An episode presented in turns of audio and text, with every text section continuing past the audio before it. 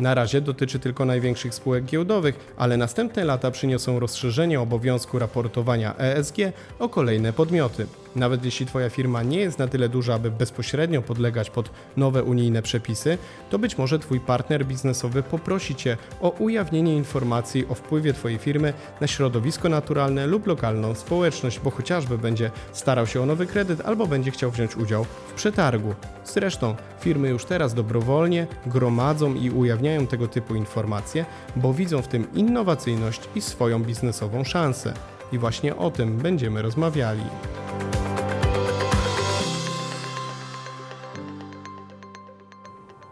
To jest podcast Przyspiesz Biznes, a ja nazywam się Kamil Nowak. Dzisiaj o raportowaniu niefinansowym i tym może nieco jeszcze tajemniczym skrócie ESG porozmawiam z panią profesor Joanną Krasodomską z Katedry Rachunkowości Finansowej Uniwersytetu Ekonomicznego w Krakowie.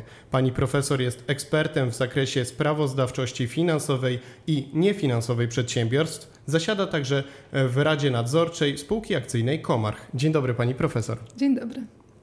Ostatni rok to czas wzmożonego zainteresowania ESG i tak jak w przypadku wcześniej CSR, tak teraz wydaje się, że te trzy nowe litery dominują w, w rozważaniach w zakresie społecznych, kwestii społecznych, kwestii środowiskowych, no czyli tych niefinansowych w działalności przedsiębiorstw. Czym zatem jest ESG? No i dlaczego przedsiębiorca powinien się tym tematem zainteresować? ESG, tak jak już Pan wspomniał, to te trzy literki, e, pod którymi kryją się właśnie kwestie środowiskowe, społeczne i z zakresu ładu korporacyjnego. Czyli mamy tą literę E, e gdzie mm, myślimy o szerokim wpływie naszej działalności na środowisko, ale też o tym, jak środowisko wpływa na to, co robimy. Czyli tutaj mogą być wszystkie kwestie związane z tym, jak, e, mm, jak pozyskujemy zasoby, czy to są zasoby odnawialne, nieodnawialne, jak nasza działalność wpływa na środowisko, jakie emisje e, do atmosfery się z nią wiążą, e, wreszcie jak postępujemy z naszymi odpadami, jak prowadzimy proces utylizacji, jak też ta cała nasza działalność może wpływać na bioróżnorodność. Także zagadnień jest bardzo dużo.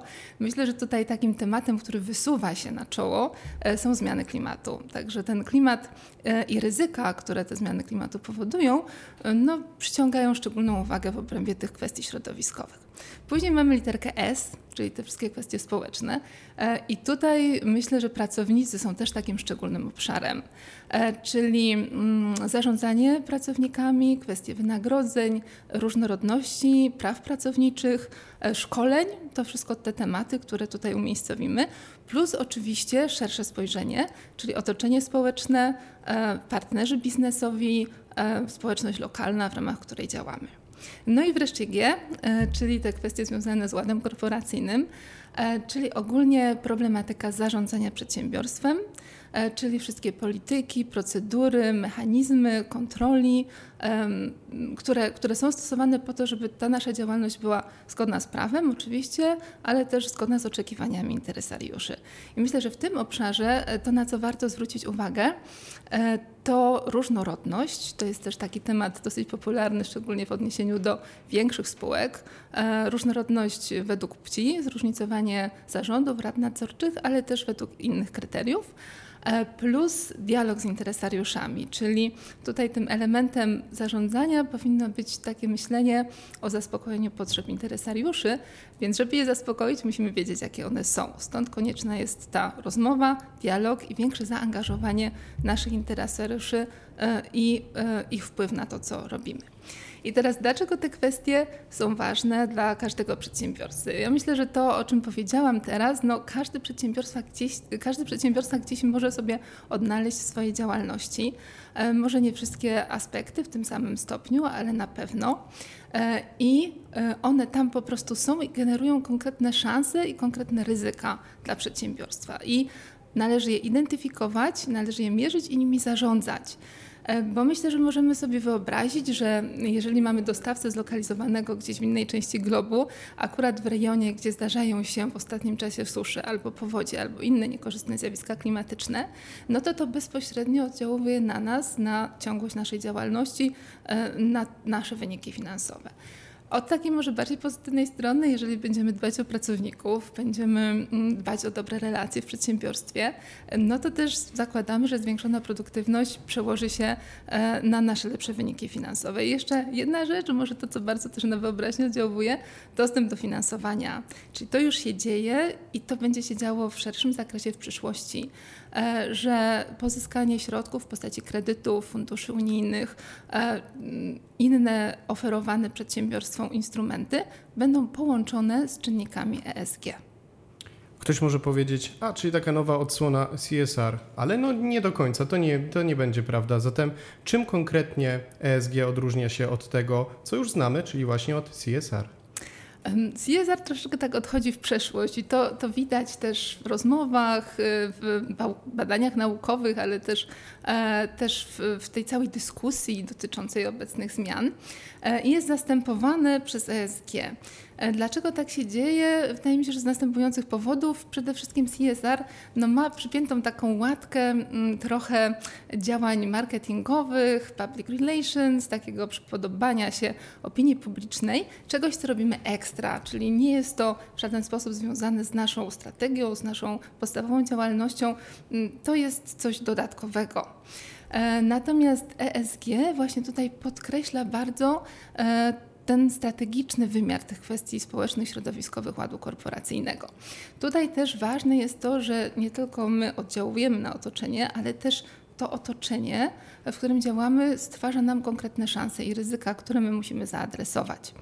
E, więc Mm, wydaje się, że, że to ESG y, właśnie przez ten taki bardziej mierzalny, wymierny, zarządczy sposób bardziej też będzie przemawiać do, do wyobraźni przedsiębiorców. I ja jeszcze tylko chciałam dodać, że to nie jest tak, że to jest taki zupełnie nowy termin, bo wydaje mi się, że wielu osobom tak się może wydawać, ale on tak naprawdę już w 2004 roku się pojawił i właśnie pojawił się w kontekście działań ONZ i instytucji finansowych, czyli te początki były właśnie takie, e, że w raporcie Hookers Wins zawarto mm, taką, e, taki apel dla, do menadżerów, dyrektorów, e, analityków finansowych, inwestorów, żeby właśnie uwzględniali te kwestie ESG w podejmowanych decyzjach. A kogo dotyczy, no i na czym polega to raportowanie niefinansowe, czyli raportowanie tych kwestii związanych właśnie z ESG? Raportowanie kwestii ESG w mojej opinii dotyczy wszystkich podmiotów. Tak naprawdę jest takie przekonanie, że głównym tutaj adresatem regulacji zakresu raportowania ESG są duże jednostki, największe spółki e, działające e, na rynku. Tak jest z tego względu, że mamy obecnie wymogi, które obowiązują właśnie te podmioty. One wynikają z ustawy o rachunkowości i zostały wprowadzone dyrektywą w sprawie ujawniania informacji niefinansowych. Te największe jednostki zainteresowania publicznego, czyli takie, które mają ponad 500 pracowników, już od pewnego czasu, dokładnie od 2018 roku, przedstawiają pewne ujawnienia właśnie z zakresu praw, e, w zakresie mm, kwestii środowiskowych, e, pracowniczych i społecznych. Ocena tych ujawnień jednak nie jest najlepsza, czyli jak się okazało, ta dyrektywa i te zmiany, które weszły w regulacji, nie spełniły mm, pokładanych w nich nadziei. Okazały się jednak e, nie do, niewystarczającej jakości, nie zaspokajały potrzeb interesariuszy, były nieporównywalne i niewiarygodne. I to wszystko spowodowało konieczność e, kolejnej regulacji.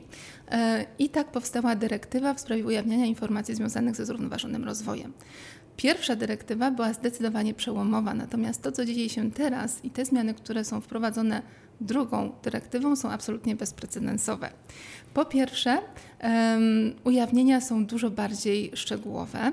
Po drugie, obejmą swoim zakresem dużo większą liczbę podmiotów. Czyli oprócz tych dużych jednostek zainteresowania publicznego, które teraz raportują, będą dołączać kolejne, mniejsze podmioty. Jest to przeprowadzone w etapach też po to, żeby dać szansę tym podmiotom, które jeszcze nie raportowały, przygotować się do nowych wyzwań. Także oprócz tych dużych jednostek będą raportowały przedsiębiorstwa, które mają ponad 250 pracowników. Pierwsze ujawnienia Przedstawią one w 2026 roku, a następnie dołączą małe i średnie przedsiębiorstwa notowane na rynkach regulowanych. To będzie 2027 rok. I teraz mogłoby się to wydawać, że to jest daleka przyszłość. E, ale dlaczego należy już teraz zainteresować się tym raportowaniem kwestii ESG e, i powinny to zrobić też mniejsze spółki? Z dwóch powodów. E, ponieważ po pierwsze, to jest proces, który w przypadku, jeżeli nie był wcześniej prowadzony, wymaga jednak przygotowania, przemyślenia, zorganizowania, pozyskania odpowiednich danych z dużym wyprzedzeniem. Po drugie, i to wydaje mi się jeszcze ważniejsze, to ta dyrektywa nowa, która weszła, dotyczy całych łańcuchów dostaw. Czyli tutaj nie patrzymy tylko na tą konkretną dużą spółkę, ale też na jej dostawców i odbiorców. Ona, żeby właściwie zaraportować pewne informacje, będzie potrzebowała danych od nich. I teraz, jeżeli zwróci się do mniejszego podmiotu o udostępnienie tych danych, a ten podmiot nie będzie w stanie ich udostępnić, no to może wręcz zrezygnować ze współpracy z takim podmiotem. Dlatego jest to bardzo ważne, e, żeby już teraz, nawet jeżeli bezpośrednio nie podlegamy, nie jesteśmy na tej pierwszej linii e, podmiotów, które będą musiały raportować informacje niefinansowe, żeby już teraz myśleć o tym, że możemy być o takie informacje poproszeni. Czyli ten mit o tym, że to dotyczy tylko dużych e, spółek, można powiedzieć, że został obalony. Tutaj się pojawiło w naszej rozmowie dużo już takich skrótów takiego, takiej e, fachowej nomenklatury, bo tak, już mówiliśmy o CSR, było ESG, CSRD, a ja sobie jeszcze wynotowałem, że jest coś takiego jak ESRS. Co to są za standardy, kogo dotyczą, no i właśnie, czy będą jednakowe dla wszystkich? Te standardy też są bardzo istotne, ponieważ tak jak już powiedziałam wcześniej, e, ta pierwsza dyrektywa nie spełniła swojego zadania i główną przyczyną było to, że ona była bardzo elastyczna. Czyli mieliśmy bardzo szeroki zakres różnych standardów, regulacji, wytycznych, które przedsiębiorstwa mogły stosować, przygotowując informacje wtedy niefinansowe. No i było to złe podejście z uwagi na to, że celem tej dyrektywy było ujednolicenie i zapewnienie porównywalności informacji. Więc jeżeli jest tyle różnych standardów do wyboru, no to trudno jest zachować tą porównywalność. W związku z tym podjęta została decyzja o wprowadzeniu europejskich standardów raportowania kwestii związanych ze zrównoważonym rozwojem. Te standardy zostały przygotowane. W następnym miesiącu tak naprawdę powinny zostać ostateczne ich wersje zaakceptowane. E, jest ich 12, to są dwa standardy ogólne, później jest pięć standardów środowiskowych, cztery społeczne i tylko jeden dotyczący kwestii governance, czyli ładu korporacyjnego, co oczywiście nie oznacza, że ten obszar jest mniej ważny. E, jest ważny, ponieważ dużo ustaleń z tego zakresu znajduje się w tych e, podstawowych dwóch standardach. E, I teraz, jeżeli myślimy o tych standardach, to ja proponuję tak troszeczkę podejść e, do tych standardów, jak do standardów dotyczących sprawozdawczości finansowej, czyli, e, czyli poważnie na pewno są to skomplikowane regulacje, to też, i też one są dopasowane do poszczególnych podmiotów, czyli tak jak mamy w przypadku regulacji zakresu sprawozdawczości finansowej, dla mniejszych jednostek będą funkcjonowały ich uproszczone wersje. Czyli teraz mamy te 12 podstawowych standardów opracowane, natomiast trwają prace nad standardami dla małych i średnich jednostek i też nad standardami sektorowymi, bo to jest druga jeszcze kwestia związana z raportowaniem ESG, e, że mamy tą specyfikę branżową, także tutaj te regulacje też będą to odzwierciedlać. I ja jeszcze przy tej okazji na jedną rzecz chciałam zwrócić uwagę, bo tutaj mówimy o raportowaniu niefinansowym i raportowaniu ESG i podobnie jak to CSR, o czym już wspominaliśmy, także to określenie niefinansowe już odchodzi w przeszłość. E, także sama Unia Europejska przyznała, że to był zły termin, niewłaściwy. E, dlaczego? E, no bo mm, tak, no, no takie było założenie, że mamy sprawozdawczość finansową i mamy to poza, tak? czyli te wszystkie kwestie środowiskowe, społeczne, niefinansowe. Natomiast jeżeli my nazwaliśmy je w ten sposób, to od razu było mm, myślenie takie, że to są kwestie mniej ważne, one nie łączą się ze sprawami finansowymi, nie mają takiego znaczenia. Natomiast my już obecnie bardzo dobrze wiemy, że te kwestie środowiskowe, społeczne, pracownicze bezpośrednio przekładają się na wyniki finansowe. I należy o tym pamiętać, e, więc zamiast niefinansowe mówimy teraz właśnie z zakresu ESG albo dotyczący zrównoważonego rozwoju. To pewnie też troszeczkę czasu zajmie, aż się wszyscy przyzwyczajimy, oswoimy z tym, z tym nazewnictwem i wprowadzimy je poprawnie, ale to też pokazuje, że no, gdzieś ten proces, y, że te, ten właśnie ESG, to, to raportowanie gdzieś tam wkrada się powoli w życie przedsiębiorców, jest naturalnym procesem, e, no i pewnie, pewnie będzie postępowało. Ja chciałbym jeszcze zapytać w takim razie, no bo porozmawialiśmy troszeczkę, to trzeba się wziąć do roboty i wprowadzać te, te standardy i te obowiązki sprawozdawcze w firmie. No to zatem kto powinien realizować takie obowiązki? Czy to powinien być wyznaczony konkretny dział, konkretne stanowisko, no i jak najlepiej się przygotować, od czego zacząć? Myślę, że tutaj bardzo dobrym pomysłem jest myślenie o tym jako o pewnym procesie, czyli e, żeby nie podchodzić do tego tak, że jest jakiś raport, są jakieś informacje, my musimy je przygotować i o nich zapomnieć. I takie też jest założenie tych regulacji i oczekiwania e, regulatorów Unii Europejskiej, e, że raportując, przedstawiając pewne dane, mm, za tym będzie szła refleksja, jak to poprawić, jak zmienić i, i ten cykl raportowania i zmian w przedsiębiorstwie będzie postępował. Więc jest to pewien proces ciągły. Jest to też taki proces poważny w tym sensie, że jeżeli znowu weźmiemy tą analogię do sprawozdawczości finansowej, no to wiemy, że w przedsiębiorstwach mamy odpowiednie kadry, mm, które są przygotowane do tego, żeby te sprawozdania finansowe sporządzać i ostatecznie publikujemy. I tutaj będzie bardzo podobnie, czyli to nie będzie już też jakaś taka dodatkowa działalność, tylko musimy mieć osoby e, do tego oddelegowane, które będą po prostu się na tym znać. A tych przepisów, regulacji, tak jak tutaj też wspominaliśmy, jest bardzo dużo. Te zmiany zachodzą w bardzo też szybkim tempie, więc też konkretna wiedza z tego zakresu jest potrzebna. Tutaj też wydaje mi się, że, że szczególnie w mniejszych jednostkach bardzo ważne jest zaangażowanie kierownictwa. Czyli jednak mówi się, że ten pozytywny przekaz idzie z góry e, i jeżeli jest takie przekonanie, że to jest to, co powinniśmy robić jako organizacja, to to po prostu będzie się działo. E, taką też specyficzną cechą e, i też wyzwaniem, myślę, jest to, że trudno oddelegować to do jednej osoby, która będzie całym tym procesem się zajmowała, ponieważ informacje e, będą gromadzone z różnych miejsc. Także takim podejściem też stosowanym w firmach jest współpraca reporterów, czyli osoby, które pewne konkretne informacje społeczno-środowiskowe pracownicze pozyskują i koordynatorów, którzy dbają o to, żeby one były mm, złożone później w jedną całość i, i upublicznione.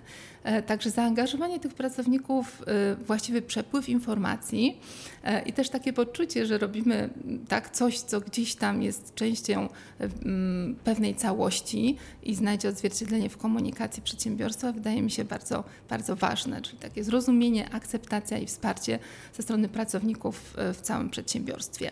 Co jeszcze? Może planowanie, czyli tak też jak Co mówiliśmy, ważne.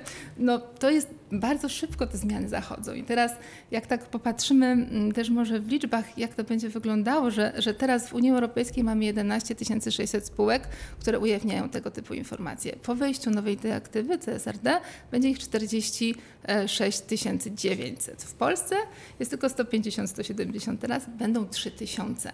Także bardzo jest duży wzrost podmiotowy. Myślimy o tych przedsiębiorstwach, które jeszcze nic nie robiły w tym zakresie, więc to planowanie, które też już tutaj w trakcie rozmowy dzisiaj pojawiło, jest bardzo ważne. Czyli musimy mieć jakąś wizję poszczególnych etapów tego procesu. Musimy wiedzieć, jakie zasoby my jesteśmy w stanie oddelegować, e, żeby ten proces realizować, jaki jest ten etap e, finalny i ten finalny produkt, który chcemy otrzymać.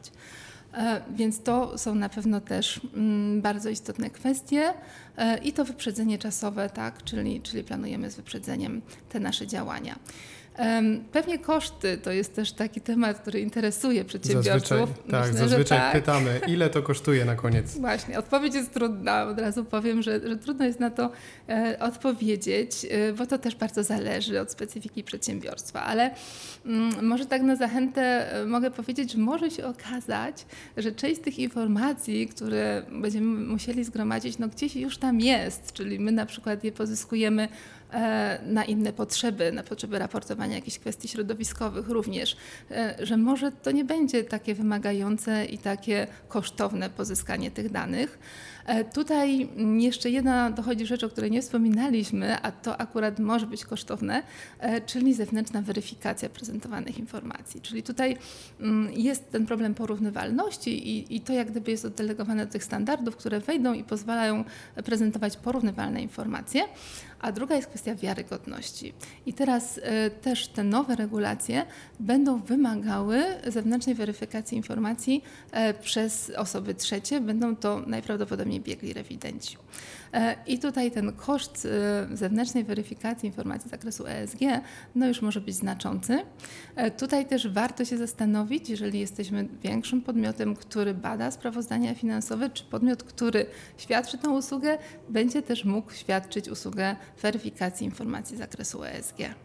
Mhm. Jeszcze na zakończenie może chciałabym powiedzieć e, ta, tak zachęcająco, że, że to raportowanie ESG, o którym dzisiaj rozmawiamy, to jest jak gdyby pierwszy etap transformacji gospodarczej. Ta transformacja ma miejsce tu, w Unii Europejskiej, globalnie. To jest taki proces, którego już nie da się zatrzymać, bo on już postępuje i będzie nadal się rozwijał.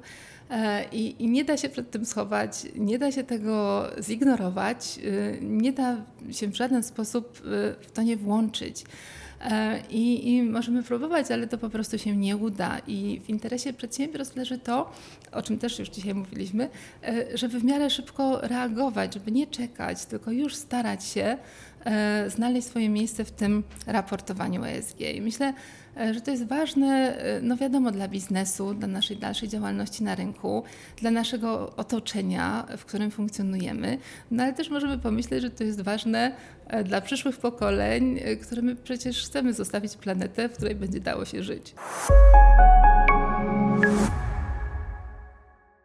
Jeszcze jedno pytanie. Przyszło mi teraz do głowy. Kiedy słyszałem o tej skali, że teraz obowiązkiem raportowania ESG jest objętych tyle a tyle e, spółek, a już po prostu za drzwiami mamy kolejne spółki, które będą objęte tym, e, tym nakazem, tym, tym obowiązkiem. E, czy tu się robi jakaś nisza, nowy rynek na audytorów, na jakieś osoby, na specjalizację dla pracowników właśnie w stricte w postaci raportowania? Oczywiście i, i tutaj też chciałabym podkreślić, że będą potrzebni specjaliści z zakresu przygotowywania tych informacji, z zakresu weryfikowania tych informacji. To jest też trudne, bo proszę zobaczyć, że te standardy, według których już trzeba będzie raportować, czy ta dyrektywa, ona tak naprawdę zostanie wdrożona e, w połowie 2024 roku do ustawodawstwa w Polsce. Natomiast już za ten rok, czyli ona będzie w środku okresu sprawozdawczego, za który przedsiębiorstwa będą już musiały gromadzić informacje. Tak samo te standardy już wiemy, że będą, ale one jeszcze nie są gotowe. W związku z tym cały ten proces przygotowywania kadr, uczenia, edukacji, szkoleń no jest troszeczkę utrudniony z uwagi na to ogromne tempo, w jakim te zmiany się dzieją, ale absolutnie to będzie konieczne i e, tego też możemy się spodziewać. A my będziemy oczywiście te zmiany i ten rozwój też e, śledzili e, na łamach naszego bloga, na mm, falach naszego e, podcastu. Pani profesor, bardzo dziękuję za to spotkanie, za poświęcony czas i za tą potężną dawkę wiedzy. Dziękuję również. Dziękujemy również Tobie, słuchaczu, za wysłuchanie tej rozmowy do końca. Jeśli interesuje Cię wiedza właśnie taka jak ta, pozwalająca rozwiązywać codzienne problemy polskich przedsiębiorców albo wskazywać nowe kierunki ich rozwoju lub też obowiązki, które e, będą już niebawem na nich czekały, to oczywiście zapraszam Cię serdecznie do wysłuchania innych rozmów na kanale Przyspiesz Biznes. Troszkę już ich e, nagraliśmy. Widzimy się co czwartek na YouTubie oraz w największych, najpopularniejszych serwisach streamingowych, dlatego teraz mogę Cię tylko zaprosić do innych e, rozmów, no i powiedzieć do zobaczenia i do usłyszenia.